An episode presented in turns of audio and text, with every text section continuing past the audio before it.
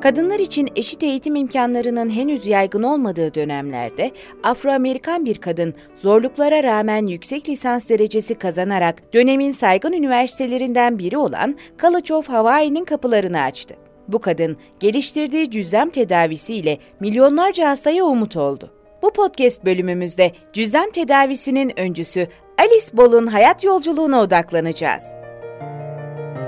Alice Ball, 1882 yılında Seattle, Washington'da orta sınıf bir ailenin üçüncü çocuğu olarak dünyaya geldi. Fotoğrafçı bir ailenin içinde büyüyerek kimyasal işlemlerin büyüsüne tanık oldu ve bu deneyim kimyaya olan ilgisini besledi. Eğitim hayatının ilk yıllarından itibaren Ball parlak bir öğrenciydi.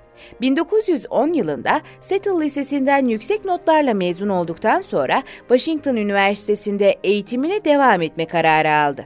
Kimyaya olan ilgisi sayesinde farmasötik kimya olarak bilinen ilaç kimyası ve eczacılık bölümlerine yöneldi. Farmasötik kimya ve eczacılık alanlarına olan ilgisi kimya eğitimine yönelmesine neden oldu henüz lisans eğitimi sürerken prestijli bir dergi olan Journal of the American Chemical Society'de bir makale yayınlama başarısı gösterdi. Lisans eğitimini başarıyla tamamladıktan sonra ailesiyle birlikte kısa bir süreliğine Hawaii'ye taşındı.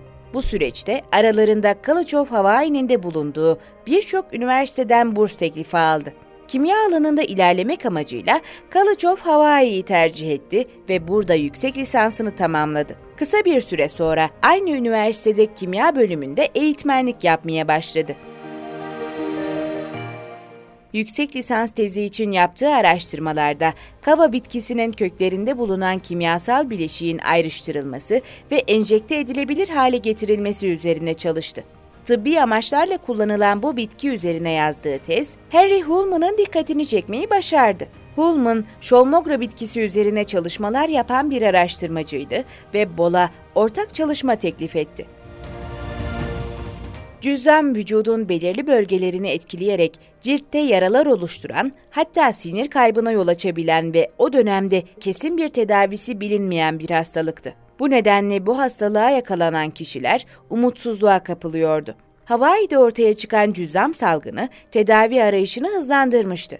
Şolmogra bitkisi kullanılarak hastalığın semptomlarının hafifletilebileceği biliniyordu. Ancak bu bitkinin etkili bir şekilde kullanımı konusunda hala tartışmalar devam ediyordu. Harry Hullman, Şolmogra bitkisinin enjekte edilebilir hale getirilmesini amaçlıyordu. Ball'un kava bitkisi üzerine yaptığı çalışmanın dikkatini çekmesi de bu yüzdendi. Ball, Hullman'ın teklifini kabul ederek Şolmogra bitkisi üzerine çalışmaya başladı. Çalışmalarını yürütürken aynı zamanda üniversitede ders vermeye devam ediyordu.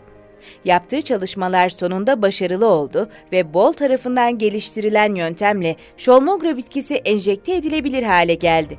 Ancak bu süreçte Bol ciddi bir şekilde rahatsızlandı.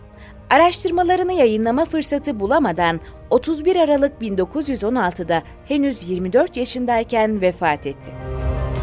Bol'un genç yaşta yaşamını yitirmesinin ardından aynı konu üzerine çalışmaya başlayan Arthur Dean adında bir bilim insanı ortaya çıktı. Bol'un geliştirdiği yöntemi bazı değişikliklerle uygulayan Dean, kendi adını vererek bu yöntemi kullanmaya başladı ve icadın kendisine ait olduğunu iddia etti.